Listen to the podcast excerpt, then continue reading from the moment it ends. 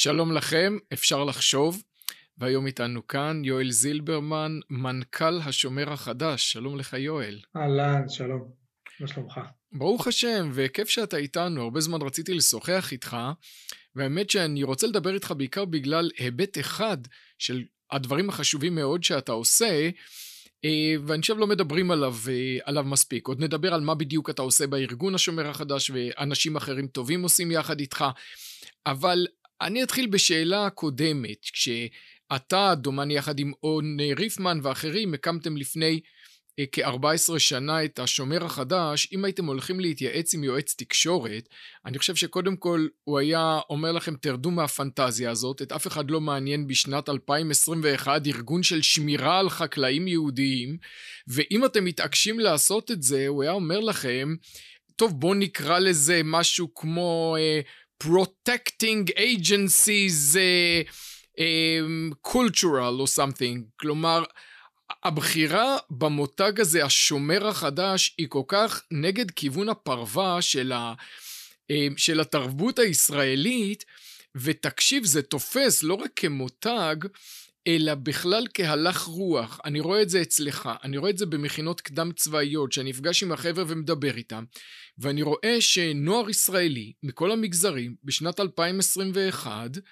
מאוד מתחבר לאתוס הציוני שלפני מאה שנה, הוא יושב ולומד את ז'בוטינסקי ואת ברל כצנלסון ועל חלוצי השומר שפעלו באמת לפני יותר ממאה שנה. איך אתה מסביר את התופעה המפתיעה הזאת?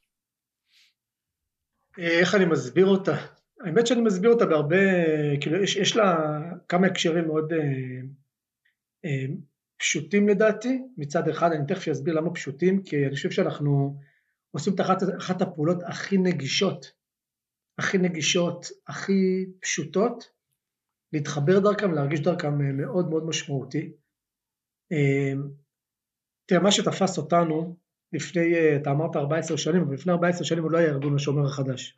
לפני 14 שנים היה משבר מקומי בשטח המרעה של אבא שלי בציפורי, ובצורה, מה שנקרא, של תאונת דרכים, כן, בצורה לא מתוכננת, הוקם משם ארגון, אף אחד לא חשב להקים ארגון אה, לפני 14 שנים, אבל אתה יודע, כששואלים חברה עסקית מה הפיין, כן, מה, מה הכאב שאתם רוצים לטפל בו, אז, אז הארגון בעצם ממש נולד מתוך כאב, כאב אמיתי, זה לא משהו שאתה יכול להתעלם ממנו, אדם שנוסע ורואה נופים באוטובוס, ברכב, ורואה שטח שהוצת ונשרף, או שרואה אה, דברים שהם בולטים לעין, כן, בטיול כזה או אחר, אתה, אתה מרגיש את זה מאוד מאוד קרוב, ואנחנו אה, בעצם, אה, הארגון ממש נוסד מתוך כאב מאוד מאוד עמוק, אבל אני חושב שהכאב הזה התגלה כשכבה החיצונית של הכאב.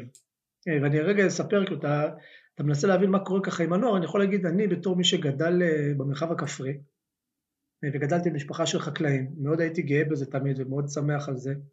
למדתי בעמק יזרעאל, מועצה שהיא מאוד מאוד אוהבת את החקלאות, מאוד מאמינה בחקלאות. למדתי בבית ספר חקלאי נהלל, שנהלל זה המושב הראשון אגב שהוקם ב-1921, בדיוק לפני מאה שנה. יש את המאמר המפורסם של אה, גורדון, שממש נותן להם את הקווים המנחים להקמת אה, האגודה השיתופית, כן, של, אותו מושב. זאת אומרת, צמחתי במקום הזה, שיש בו המון המון אה, דחיפה לשירות משמעותי בצבא וכן הלאה וכן הלאה, אבל הרגשתי שכמעט בשום מרחב החיים שבו אני נמצא, אין עיסוק בקשר לאדמה. זאת אומרת, האדמה או החקלאות היא, היא התנתקה לגמרי מהמרחב של הדור הצעיר. הדור הצעיר לא נמצא שם בשום בחינה שהיא, דווקא במקום שאולי הכי מסמל את הסיפור של החקלאות הישראלית והשגשוג שלה אה, וכן הלאה. ובתוך המשבר האישי אה, שעברתי, כשניסיתי להבין רגע מה קורה, אתה יודע, רגע בראייה אה, חינוכית, כן, כבוגר מכינה וכמישהו שמאוד האמין אז ומאמין עוד יותר היום באקטיביזם חברתי, להבין איפה, איפה הנוער בכל מה שקשור ביחס לאדמה. וידעתי שאין דבר כזה שילד לא יבקר בכותל המערבי, במצדה או ביד ושם. שאלתי את עצמי האם הדבר הזה גם נכון בכל מה שקשור לחקלאות ולאדמה של הארץ שלנו. והבנתי שהמרכיב הזה בעצם כבר אה, יותר משלושים שנה, בעצם נמחק לגמרי מהמרחב של החיים שלנו. זה בגדול. עכשיו, התובנה אגב לגבי מה, מה זה השומר החדש, אולי לקוחה גם מהמקום הפשוט שבא ואומר, אנחנו לא, לא ממציאים את הציונות. אגב, אני חושב שגם הציונות היא שאהבת עצמה מהתנ"ך, כן? אנחנו יודעים כמה בן גוריון אהב את ספר יהושע, אנחנו יודעים כמה התנ"ך היה שגור בפיהם, וכמה שהם היו עושים פה טיולים ומתארים את החוויה שלהם הגלילית, כן, או במקומות אחרים, שהם הולכים בדרכי האבות, כן, הם לא הלכו פה בצורה מנותקת כזאת, כאילו שזה חבורה של כנעניסטים, כן, הם באו לפה ב, בתודעה מאוד עמוקה של מה, מה הם רוצים להיות חלק ממנו, מה הם רוצים להמשיך.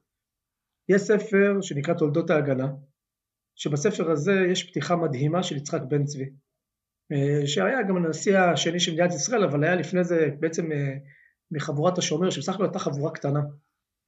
והוא כתב שם איזה משהו שאני זוכר שקראנו אותו ממש בראשית הדרך מסביב למדורה, באיזה לילה קר של שמירה, והוא כותב שכשהמדינה זונחת את האזרחים שלה, ולא רק שהיא זונחת אותם, אלא היא גם מתנכלת אליהם, לא נותר להם אלא לדעת להגן אחד על השני.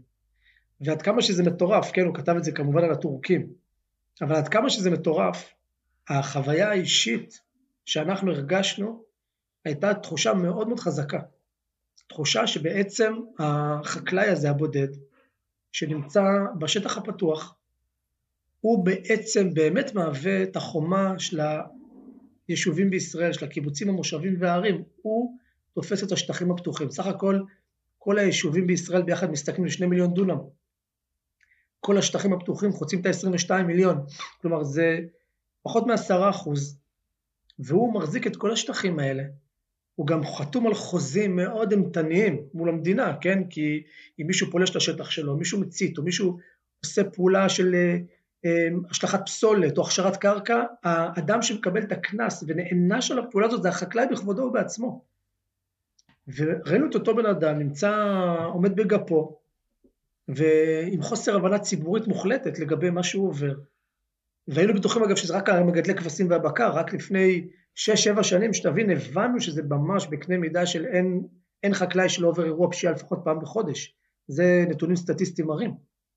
אז כשהוא כתב את זה אמרנו אין חדש תחת השמש, ואנחנו לא באים להמציא את הציונות, ולכן ארגון השומר החדש, הוא בא אולי עם שני דברים שגם ככה עם, עם הדרך צמחנו לתוכם. מצד אחד זה נשמע כמו שאתה אומר עוד פשן, וכזה מיושן, ומריח קצת כמו לא ברור, כן, שומר צעיר, או אה, שמירה, ומה מה רוצים מאיתנו בכלל, והרבה פעמים יש לנו דיונים על זה, ולא מעט אנשים אמרו לי שצריך לשנות את השם, זה שם לא טוב, אנשים לא מבינים אותו נכון, חושבים שזה חברת שמירה, וכל מיני טענות מכל מיני כיוונים, שכל הטענות הן טובים, אה, טובות, וטענות טובות ו- ולגיטימיות, כן, ויש להם מקום, אבל uh, התחושה שלנו הייתה זה שאנחנו uh, צריכים מצד אחד לדעת באמת uh, לשמור, כאילו באמת לדעת לשמור את הסיפור של הציונות, את הסיפור של החיבור לאדמה, החקלאים של המדינה שלנו, ומצד שני להתחדש. ואנחנו נמצאים מאותו רגע, מאותו לילה, שבו בחרנו את השם, ו, ו, ומה שאני אומר לך עכשיו זה הדיון שהתנהל מסביב למדורה, ועד הרגע הזה זה המתח שיש לנו בתוך הארגון, בין כמה אנחנו באמת לא מאבדים את המסלול של לדעת לשמור ולחזק, ומצד שני כמה אנחנו לא נתקעים בעבר ואנחנו עסוקים באמת במבט קדימה בהתחדשות. זה ה... תשמע, זה מרתק במידה יוצאת דופן מה שאתה אומר. למה? כי מה שאתה מתאר היה יכול להתגלגל לאיזה איגוד מקצועי של מגדלי כבשים.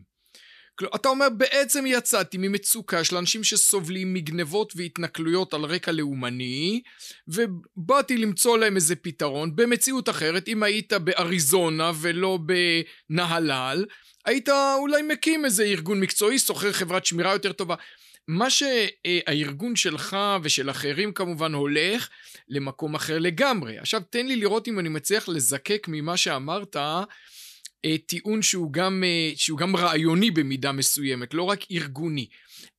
אתה אומר, אתה ציינת שני משאבים שאתה רואה אותם כדומיננטיים וגם כאטרקטיביים לאנשים שנמשכים למסר של השומר החדש. אחד, אמרת הקשר לאדמה, ושתיים, אמרת התנ"ך. ואולי יכול להיות שכשקמה המדינה, זנחנו את שני המשאבים האלה מתוך מחשבה שדי לנו בערך אחר, שלישי, ממלכתיות. המדינה כבר מספקת לנו הכל, וההזדהות הערכית, הרוחנית שלנו תהיה עם המדינה וסמליה, אנחנו מגלים שזה לא מספיק, ואתה בעצם אומר, אני מזמן לאנשים, רובם המכריע עירוניים, רובם המכריע אה, לא גדלו במרחב כפרי, ורובם המכריע אגב גם אין להם או לא היה להם קשר גדול לתנ"ך ולמקורותינו, אני מציע להם מפגש מחודש עם שני המשאבים האלה. עם המשאב של אדמת ארץ ישראל, ועם המשאב, אני מדבר על משאבים רוחניים, ועם המשאב של התנ"ך והמורשת, ויש פה קליק. אני צודק בתיאור הזה? אתה אומר את זה יותר טוב ממני, אתה מוזמן לבוא ולהדריך בשטח את האנשים. אני אגיד בסוף, אתה יודע, אני אתן לך אפילו טיפה אחורה, בסדר? אמ, אפשר להגיד שאון ואני חסידים גדולים של אהרון דוד גורדון. ואנחנו מבינים עד כמה אנשים לא למדו באמת את אהרון דוד גורדון ולא מבינים בכלל את התפיסות העמוקות שלו. עכשיו לגורדון יש לו שלושה, הייתי קורא לזה טיעונים, או שלושה, שלוש אזהרות. בואו נדבר על שלוש אזהרות של גורדון. הוא מזהיר מצד אחד מפני הגלות. אומר על הגלות המסוכנת שאנחנו מתחנפים לצורר שבסוף שוחט אותנו וכן הלאה וחייבים להגיע חזרה לכאן. הטענה השנייה שלו זה לסופרים. יש לו טענה לסופרים, הוא אומר, תשמעו, אתם כותבים נורא יפה, יש לו איזה מכתב לביאליק, אתם כותבים מאוד מאוד יפה, אבל אתם מאוד מאוד מנותקים מהשטח. הדברים נקבעים שם. יש לו הרי מאמר, ש... מאמר שלו נכתב בזמנו, שהוא יוצא בטענות קשות על אחד העם. הוא אומר, אתה רוצה להקים מרכז רוחני, אבל אתה מקדש את הרוחני על פני ההבנה שהדברים נקבעים בקרקע. ולכן אין לך חסידים, ואף אחד לא הולך אחריך, אבל זה לא קורה. הוא כותב את זה ככה בכאב.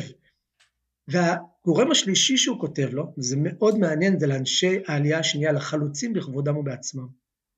הוא אומר, תיזהרו לכם לא ללכת אחרי אופנות בינלאומיות.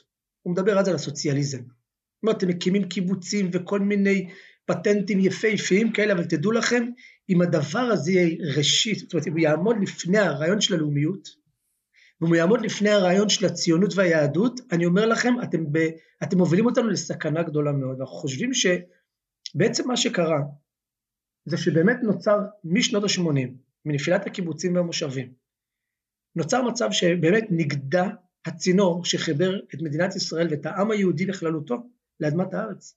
פעם זה היה מנהג ידוע להתנדב בקיבוץ. אנשים שהם חצו את הגיל של ה-50-60, זה היה חלק מהתבנית נוף של הילדות שלהם, שבוע עבודה בבתי ספר, זה היה דברים שמאוד, זה היה ברור מאליו שזה חלק בלתי נפרד מהגדילה שלך, זה במרחב הזה, אתה תלך לכתוב בצל ולאסוף אבטיחים, זאת אומרת, זה, זה היה חלק בלתי נפרד מה, מה, מהגדילה. ובעצם קרו בשנות ה-80 אה, שלושה תהליכים. תהליך ראשון זה שבאמת כבר לא, לא התאפשר צינור, צינור אמיתי לחבר את העם היהודי עד שהגיעה תגלית. אוקיי, אבל תגלית זאת לא, זאת אומרת, תגלית לא בנויה כתנועה, היא בנויה כאיזושהי חוויה. אבל היא לא הצליחה ב, ב, ב, במקום הזה לייצר עדיין תנועה, אני מקווה שהיא תצליח עוד, אבל היא לא יצרה תנועה, אוקיי, במובן הזה. הדבר השני שקרה, זה שבאמת האינטלקטואליה התרכזה, אוקיי, רחוק מהשטחים הפתוחים, רחוק מהמרחב הכפרי, והתנתקה עוד יותר. היא עוד יותר לא מבינה מה קורה שם ומה החשיבות של הדבר הזה, ואתה רואה, זה לא, באמת באמת עד עכשיו, זה לא באמת מעניין את המיינסטרים, אוקיי, של התקשורת הישראלית, ו- ו- וזה לא נושא שעדיין מרעיד פה את המדינה, למרות שבמדינה כל כך קטנה הוא כל כך קיומי, כי יש פה כל כך מעט עתודות, עתודות קרקע, יש כאן כל כך מעט נופים ירוקים, ואתה יודע, בשוויץ מטיסים מים להשקות את הפרות באלפים כדי שישמרו שם על הקרקע, כן? זה, זה מקום שלא היה ב-400 שנים של מלחמות, ופה שכל יום נלחמים על קרקע, אוקיי, אין תפיסה מגובשת לגבי זה, ואתה רואה שהאינטלקטואלי בכלל הוא בכיוון. של להעמיק בנושא הזה. והדבר השלישי שאתה רואה, זה אתה רואה שבאמת המרחב, שפעם היה מרחב מוביל, המרחב הכפרי, לא סתם סיפרתי עליו, שהיה מוביל ביחידות, והיה מוביל גם אה, שוב פעם בממשלות, ובהמון המון תהליכים חברתיים בתוך המדינה. תסתכל מה קרה לו בעשורים האחרונים, אני מסתכל על עצמי, אני גר בעצמי ברמת הגולן. גדלתי במושב ציפורי, החברים שלי, הנוף ילדותי זה המרחב הזה. אוקיי, השותפים שלי להקמת הארגון, און ריפמן, שותף שלי, גדל בקיבוץ רביבים, גם גר היום בקיבוץ מלא החמישה. אנחנו בעצם מבינים שהמרחב הזה באמת כבר לא, לא ידע ל, ל, ל, ל, להמשיך ולהיות מרים הדגל והמושך של הציבור הישראלי בכללותו כדי להתחבר לאדמה, אוקיי, ושהציבור בישראל בכללותו יילחם על מחיר המים, ויילחם על זה שהפירות וירקות יגדלו בארץ, ושנאכל מזון טרי מכאן וכן הלאה. זה, זה, יש לזה אדוות כאילו להרבה מאוד כיוונים, ומהצד השני, ברגע שעשינו את הצעד הקטן הזה, שתבין, שנה שעברה הגיעו 100 אלף אנשים לשטח. אנחנו השנה, שנת קורונה קצת יותר מורכבת בגלל תו ירוק והגבלות שהיו, עכשיו הולכות ונפתחות, אבל הגיעו כבר מעל 70 אלף, אוקיי? זה בערך פי שתיים יותר מארגונים אחרים, זאת אומרת, בתור, כן, שבעולמות ההתנדבות. ואתה שואל למה זה קורה? יש שם מפגש אישי אמיתי, פוגשים חקלאי בקצה, פוגשים סיפור אמיתי בקצה. הסיפור הזה מספר את הרצון הגדול למושג הזה של וישבתם לבטח, לחיות בארץ, אוקיי, בביטחון, לחיות בארץ שבה אתה מחובר לאדמה שלה, שאתה מייצר את המזון לעצמך. אתה פוגש את האנשים הכי מיוחדים בעולם ואתה עובר בעצמך חוויה, אתה יודע, חוויה שלפעמים כאילו אי אפשר, אי אפשר אפילו להסביר אותה במילים, כלומר, אני אתן לך הדגמה קטנה, כן, ביקשו ממני פעם לעשות הרצאה ל-15 מנכ"לים שהגיעו מבוסטון, אמרו לי יש לך 25 דקות, ואני שואל את עצמי מה אני יכול לעשות עם 15 מנכ"לים ב-25 דקות, זה כנראה לא... העברת המסר, כן, כנראה תהיה מאוד מורכבת, ובסוף אה, אני מחליט לקנות אה, ערימה של טושים, בלוק של נייר, אני מבקש מהם שכל אחד יצייר את החלום של החיים שלו על הדפים במשך רבע שעה, והם כמובן צוחקים עליי ולא מבינים מה אני רוצה מהחיים שלהם, איפה נפלתי עליהם, ואחרי 15 דקות הם מבקשים שאני אתן להם עוד 5 דקות. אתה מבין? כבר עומד להישאר לי רק 5 אה, דקות לדבר איתם. אז 20 דקות הם מציירים ציורים על דפים, אני מניח שהם לא עשו את זה כבר 30 שנה, וכשהם מסיימים אני לוקח מהם את הדפים, ואני מבקש סליחה על מה שאני הולך לעשות, אני אומר, כנראה שאף אחד לא עשה לכם דבר כזה לפני, או לפחות לא מהגן, ואני חותך את הדפים שלהם וזורק להם את הדפים לפח. ואני שואל אותם, תקשיבו, זו פעולה מאוד אה, גסה מה שעשיתי עכשיו, אני רוצה לשאול אתכם מה הרגשתם. וכמובן שהם קיללו אותי באנגלית שלהם ואמרו לי, תשמע, בדיוק ציירתי את, אה, את הג'ט, את המטוס הבא שאני רוצה לקנות, ואת אה, בית חלומותיי וכן הלאה. שמעתי להם, תראו באיזה מהירות, כן, היה לכם קשה, שאני לוקח לכם משהו, ועוד פוגע בו, תוך 20 דקות של עבודה על דף נייר, תחשבו מה יקרה לאדם שבמשך שלוש או ארבע שעות או שבועיים יבוא ויעבוד את אדמת הארץ הזאת. מה קורה לו באותו רגע? איזה תהליך הוא עובר? אז וואו, אתה אומר אה, דברים כל כך מעניינים, אני דווקא אחדד את הנקודות שאני לא לגמרי מסכים איתך. אחד, אני לא חושב שנקודת המפנה הייתה בשנות ה-80 עם ירידת או משבר הקיבוצים והמושבים, אני חושב שהקיבוצים והמושבים כבר הרבה לפני זה לא התפתחו בחזון של אדה גורדון, ואני אוסיף עוד דבר, אני לא בטוח שזה היה אפשרי. כלומר, גורדון עצמו היה אה, אדם מאוד לא, לא מוסדי, הוא, הוא, אה, הדרך שלו אה, התבססה, ככה ההתרשמות שלי, מאוד על העוצמה הרוחנית היוצאת דופן שלו, הוא היה אדם באופן אישי מאוד דתי, אדם שומר מצוות במובנים רבים. Uh, הקשר שלו לטבע היה ממש מיסטי, הוא דיבר על אדמת ארץ ישראל, על אוויר ארץ ישראל שהוא מלא נשמות, הוא... זה לא דרך ש... שרבים הולכים בה, וגם מפלגת הפועל הצעיר שהלכה כדרכו, אני חושב בסוף אה, נטמעה באחדות העבודה ובמפלגות אחרות עם כיוון יותר אה, מרקסיסטי, ו... אבל, אבל אני לא יודע אם זה באמת היה אפשרי, הדרך המאוד רומנטית ואישית של אדה גורדון כדרך לציבור. ו, וכאן אני אשאל אותך לא על הדיון ההיסטורי אלא על ימינו. בסוף בסוף בסוף במדינת ישראל יש היום דומני 2% חקלאים. וכנראה האחוז הזה לא יגדל, לא משמעותית. מדינת ישראל מדינה קטנה, צפופה, החקלאות נעשית הרבה יותר מתוחכמת וחקלאי אחד מאבד שטחים גדולים. אה, גם הוא נעזר בפועלים זרים הרבה פעמים, אבל זה סיפור אחר. בסוף בסוף רוב מוחלט של הישראלים הם, הם עירוניים, ו- וככה זה יישאר, זה כנראה יהיה יותר, לא פחות. איך אתה מייצר להם חיבור למשהו שהוא גם ארץ ישראל, וגם מעבר לה, אתה מדבר על סוג של שורשיות שבאה מהתנ"ך, שבאה מהארץ, הם לא יהיו חקלאים. איך בכל זאת אתה מייצר את החיבור הזה? תקשיב, זו שאלה טובה ואני רוצה לחלק את זה באמת לשניים, כי יש פה שאלה אחת, אתה אומר רגע מהצד הטכני, טכנית אתה אומר מצב החקלאים הוא כזה וכזה, ומהותית אתה אומר צריך לחבר בעצם את הציבור למרחב החקלאי ולערכים של האדמה וכן הלאה וכל מה, ש, מה שזה מעביר דרכו. אני אגיד לך שאני מתייחס רגע לחלק השני דווקא, בסדר? דווקא החלק המהותי, כי אני חושב שהוא בסוף הוא היסוד, ואז נדבר על החלק השני שהוא לא פחות חשוב כי הוא מקיים את זה. אני חושב אי אפשר להתעלם מתהליכים ואופנה שצומחת בעולם, כן? אתה רואה תהליך של אה, כל הסוגיה של שמירה על הטבע, בסדר? כל הסוגיה של ה-climate change, כן? של השינוי במצב האקלים וכן הלאה, הוא מעלה המון המון שאלות ברמה הבינלאומית, ואתה גם אה, יכול לראות שיש הרבה מאוד סרטים יפהפיים שמדברים על איך אה, יצור של ירקות מסוימים מגדיל את אחוז החנקן באוויר, וכל מיני דברים שיש להם השלכות מאוד מאוד משמעותיות. אני חושב שהחיבור שה, למרחב הפתוח, בטח בעידן שאחרי הקורונה, הופך להיות, להיות צורך ממש ל, ל, לריפוי הנפש. אנשים ממש מחפשים את הדרך, את ההזדמנות, הזמן, לצאת ו, ו, ולנפוש באוויר הפתוח, לא במלון, אפילו לא על הים, באוויר הפתוח של השטח החקלאי, אתה רואה את ה... אה, אגב, אחד הדברים שהכי מטרידים את החקלאים היום זה שמצטלמים להם בין השקדים. תופעה שלא הייתה אף פעם. מי הלך להצטלם בין השקדים? אתה רואה היום זה נעשה טרנד. נוסעים לחפש מטעים של שקדים כדי להצטלם, כן? ליד השקד.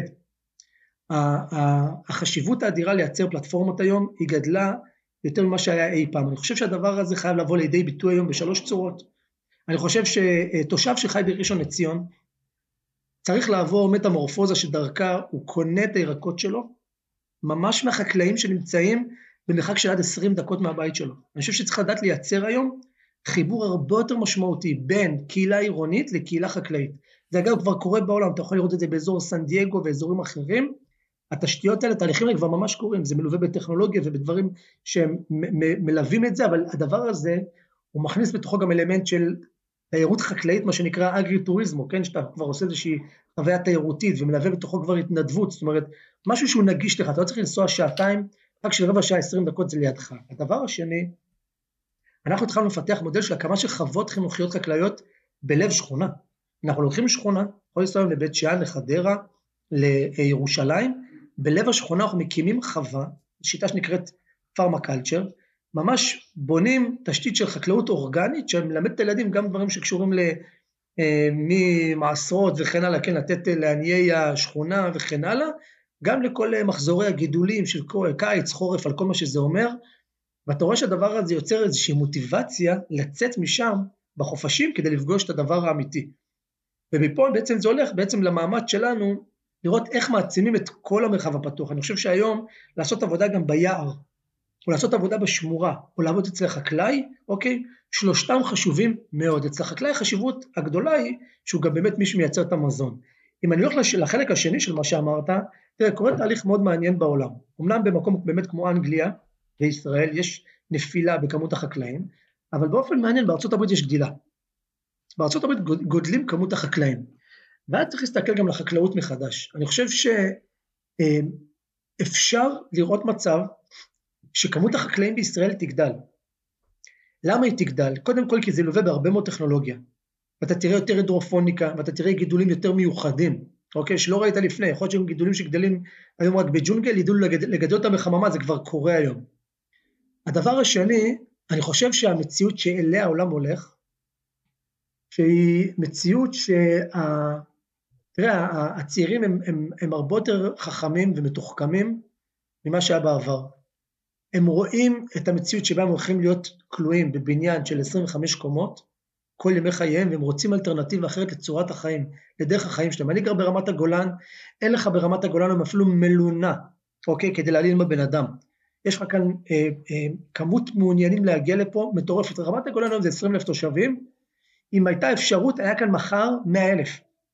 ואני חושב שמתוך ה-100 אלף האלה היו רבים שהיו בוחרים בדרך חיים יותר צנועה, פחות היו מחפשים את האקזיט, להיות חדי קרן או דו קרן או תלת קרן, היו רוצים לחיות משהו שיש בו יותר פשטות, לגדל את הירקות האורגניים שלהם.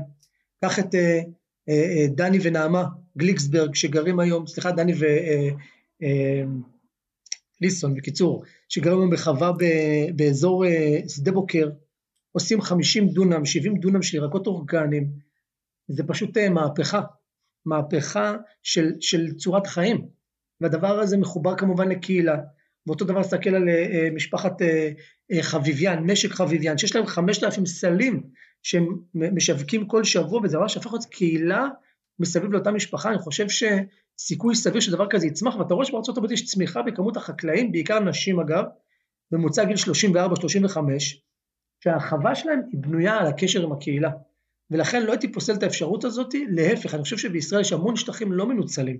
יש הרבה שטחים שהם, אמנם כמו שאתה אומר, שטחים גדולים, שטחי פלחה, כנראה שיהיה בקרוב אה, אה, טרקטורים אוטונומיים שיחרשו אותם, בסדר? ויטפלו באותם שדות.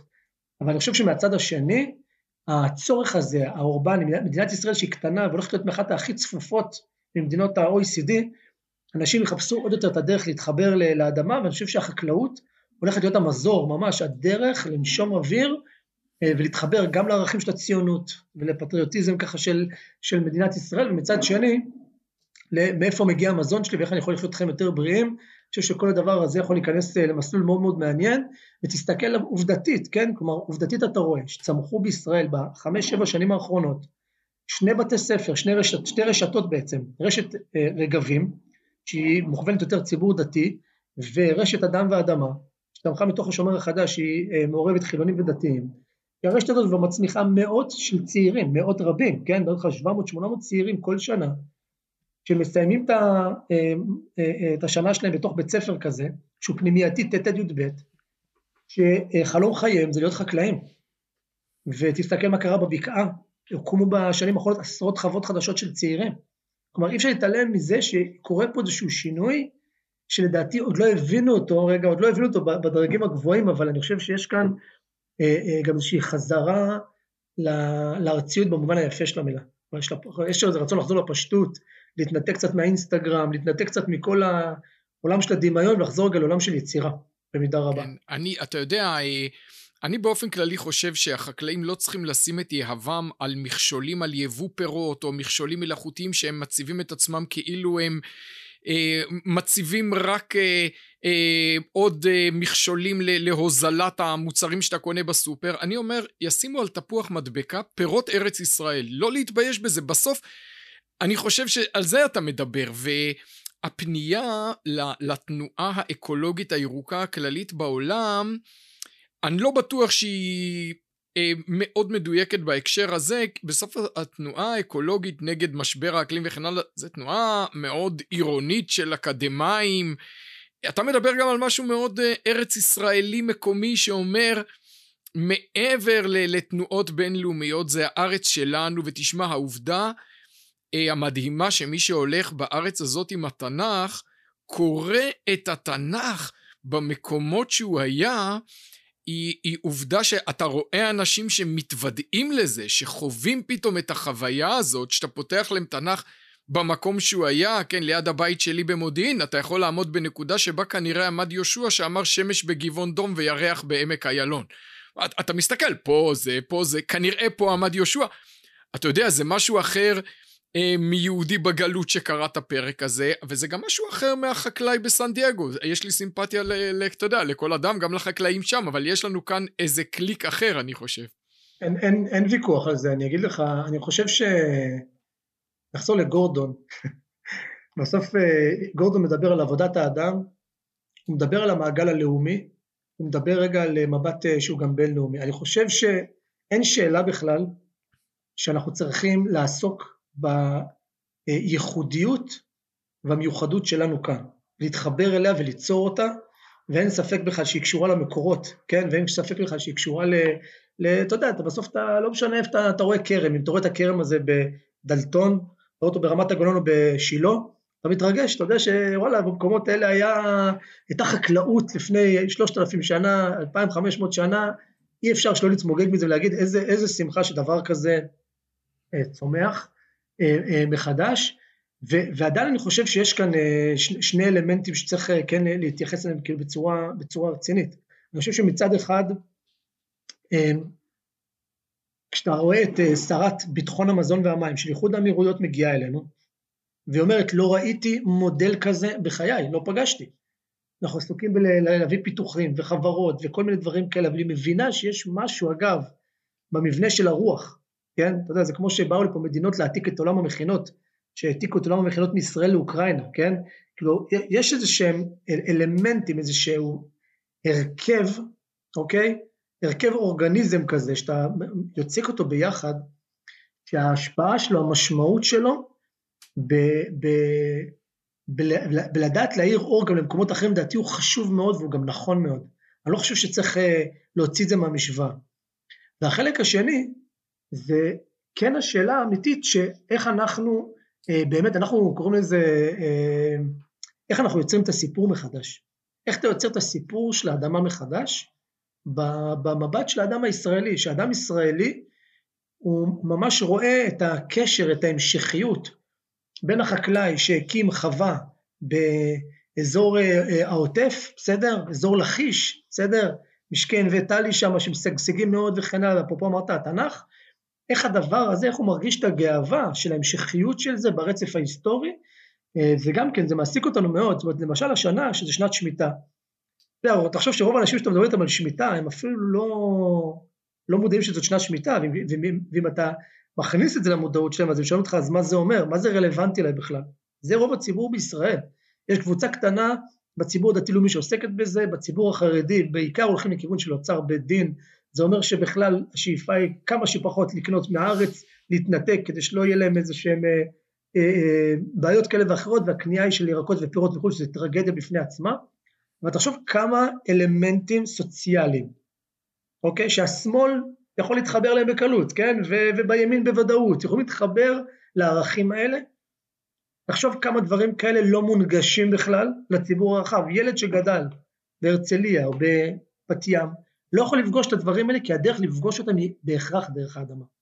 ופה במקום הזה אני חושב ש, שבאמת הצינור הזה זה הצינור שאנחנו מנסים לייצר, כלומר שמתנדב לנו לשטח, אנחנו אומרים לו בלי, זאת אומרת, זאת אומרת אנחנו אומרים בצורה ישירה ופתוחה, לא פחות ממה שאתה עוזר לחקלאי, החקלאי עוזר לך, כלומר, ואגב, זה, את זה גם המתנדב בסוף יודע להגיד בעצמו, הוא אומר, לא פחות ממה שנתתי, קיבלתי בעצמי.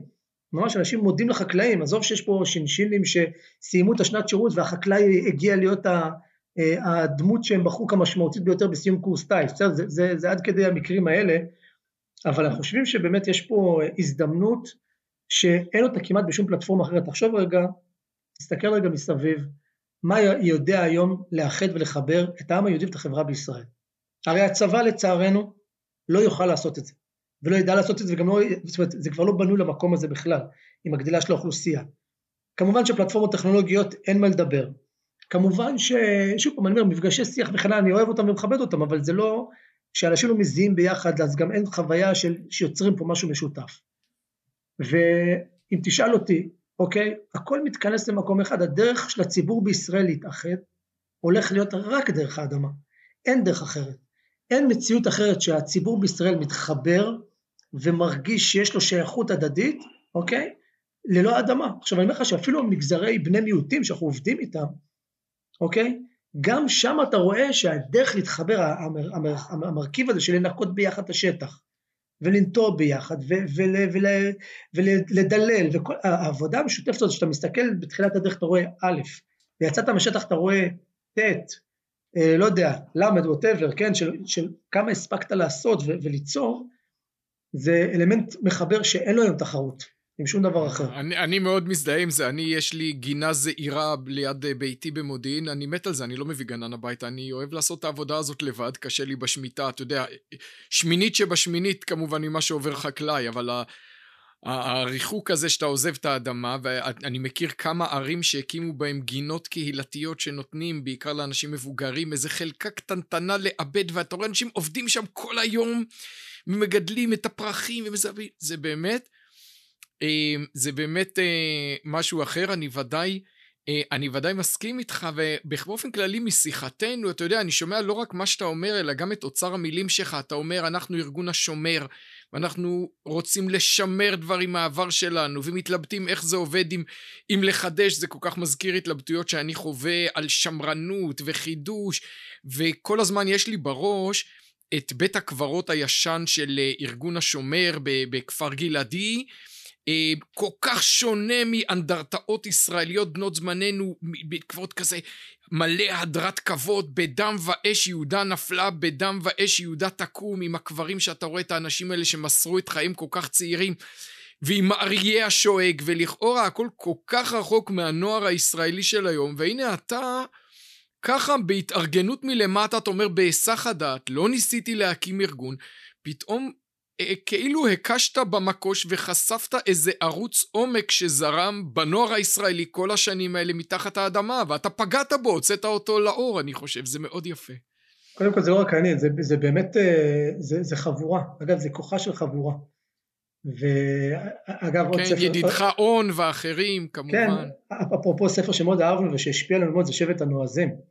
של שלמה שבא שהוא כותב על, אנשי השומר, הוא אומר זה שבט, זה שבט קטן אמנם, אבל זה שבט, זאת חבורה, זה כוחה של חבורה. ואני אגיד עוד משהו, אה, אגב תסתכל גם לארגון השומר, אין, לא מיוחס אדם שהקים את ארגון השומר, זה מראש זאת חבורה. זה זייד וישראל שוחד וישראל גלעדי ומניה שוחד ופורטוגלית, זאת אומרת, יש שם חבורה, אבל אה, תראה, הדבר המדהים הוא צמח בתוך הארגון, אה, בשש שבע שנים האחרונות התחיל את זה בחור שקוראים לו שלמה למפרט, שהוא אש בוערת, והקים חבורה שבאופן ביולוגי קרא לעצמם הפראיירים. והפראיירים צמחה להיות אה, חבורה של אלף צעירים, שיש לנו לא מעט שיחות עם ההורים, כי הרבה פעמים במקום ללכת לבית ספר הם נוסעים לקדש ברנע, לקטוף רימונים, או לנטוע משהו, אתה לא מאמין, זה פשוט הפכה להיות חבורה משוגעת לדבר. עכשיו תחשוב מה זה אלף איש, אתה יודע, אתה, אתה זוכר, את גן הקימו 11, בקרב בתל חי 11, אתה אומר כאילו אלף צעירים, שכל פעם שבוואטסאפ קופצת הודעה, חקלאי חייב 15 ידיים עובדות דחוף, נופלים לו פירות מהעצים, מגיעים לב 30 חבר'ה, ומסתערים עליו. ותחשוב איזה, איזה שינוי באווירה, עשינו עכשיו מסיק זיתים, ביער אליקים לפני uh, חודש וחצי בסוכות. הגיעו יותר מ-4,000 איש, שלושה ארבעה אנשי צוות, הקימו אירוע עם 150 מתנדבים שקוראים את עצמם uh, מה שנקרא פראיירים. ואתה יושב איתם בלילה מסביב למדורה, וחולם את החלומות, אתה אומר בוא'נה יושב כאן נוער, שהוא לא פחות ממאניה שוחט. הוא יעשה דברים לא פחות גדולים, אתה רואה אותם מקימים חוות, אתה רואה זוגות שמקימים חוות. יש לך את בת אל ועידו, הקימו חווה, אתה, אתה, אתה רואה את הדבר הזה ממש צומח מלמטה, ממש קורה, ולכן אני אומר, אה, שוב פעם, לצערי, אבל זאת המציאות שלנו, המציאות של הרעש התקשורתי, אתה יודע, שלוש שנים של בחירות, והקורונה, ועוד הרבה לפני זה, כן? שאיך אה, אברי גלעד לימד אותנו, בתקשורת יש את מה שמעניין, לא את מה שחשוב. אז זה לא שוויתרנו על התקשורת, אבל אנחנו הבנו שאנחנו צריכים להסתכל על המהלכים בראייה של 100 עד 150 שנה קדימה. להפסיק לשאול את עצמנו, לגמרי, תקשיב, אברהם אבינו מקבל צ'ק דחוי ל-400 שנה. אז לא צריך להיסחף, אבל אני חושב שלשאול את עצמך, תראה, הילדים שלנו יחיו כנראה לתוך המאה ה-22, זה מעבר לפינה. עכשיו אתה אומר, אם אה, קרן קיימת שהקימו ב-1897, עד היום הזה מתפקדת בצורה בלתי רגילה בסוגיות שרלוונטיות לציבור הישראלי, אוקיי? בנושאים שונים, ויש עליה בתקשורת ורבים מהדירקטוריון, וה... לא יודע, הגיסה של יאיר לפיד וסיפורים, לא במקרה, זה, זה מוסד בין יותר מ-120 שנה. אתה אומר לעצמך, אם, אם תהליכים ייבנו נכון היום, היכולת של אנשים לעזור להם לייצר תשתיות שישפיעו על איך תיראה המדינה, כן? מתוך ראייה של הממלכתיות והחשיבות של הממלכתיות. אגב, אנחנו מאוד מאוד ממלכתיים. זאת אומרת, אנחנו מבחינתנו, אנחנו הולכים במדינה יד ביד. אנחנו אגב, אנחנו לא נוותר, אנחנו ננסה הוכיח תוכיח, ונגיד, אתם לא עושים את העבודה שלכם וכן הלאה, וזה באהבה. זאת אומרת, זה לא, אנחנו לא נלך נגד, אנחנו נלך עם. זאת אומרת, אנחנו ננסה תמיד לחזק, גם כשיש לנו כעס ותסכול טיפול משטרתי כזה או אחר, או הזנחה של המדינה, בסוף אנחנו מבינים שהמטרה המשותפת הגדולה זה מדינה חזקה. והמדינה היא, היא, היא, זאת אומרת המדינה היא אני, כן, זה לא שאני מנסה להיות לואי ה-14, אבל בסוף ההבנה היא, כן, וגם הרצל מצטט אותו לא סתם, ההבנה היא שאנחנו רוצים לראות איך אנחנו יוצרים חוסן ל-150 שנה קדימה. פחות מהסתכלות כזאת להבנתי, זה, בשבילי זה בזבוז זמן להיות כאן. וואו, הזיכרוני המעגל שחשב על 70 שנה קדימה, אתה אומר, אני לא מסתפק אפילו בזה. זה יפה מאוד. שוב פעם, ו... אני לא, אוקיי, אני, אני אומר שוב פעם, אני, אני, אני נזהר, אני לא, אני אומר, אני חושב שההסתכלות צריכה להיות כזאת. זה לא אומר שאתה בהכרח עושה את הדבר הנכון. לא, זה נהדר, ואני אגב חושב שתשתיות ל-100-150 שנה קדימה זה קודם כל תשתיות חינוכיות. אתה יודע, עשו את המוביל הארצי, חשבו שעושים תשתית ל-150 שנה קדימה, היום משתמשים בו להוביל מים בכיוון ההפוך. נכון. אל הכנרת במקום ממנה, אז אף אחד לא יכול לחזות תשתיות פיזיות, איך נשתמש בהן. מי יודע אם נצטרך כבישים בעוד 100 שנה, אבל אני יודע שנצטרך ספרים. וערכים ולבבות, כל אלה נצטרך גם בעוד 150 שנה, אין לי ספק. נכון. אז אני מתחבר בדיוק לנקודה הזאת. וואו, תשמע יואל זילברמן, מנכ"ל השומע החדש, שיחה יוצאת דופן ובעיניי מפתיעה ומרתקת, ואתה יודע, אפשר לחשוב קוראים לפודקאסט שלנו, ובהחלט נתת לכולנו אה, הרבה על מה לחשוב. אז תודה שמחה. רבה לך. תודה על הזכות להיות חלק, שמחה. תודה רבה.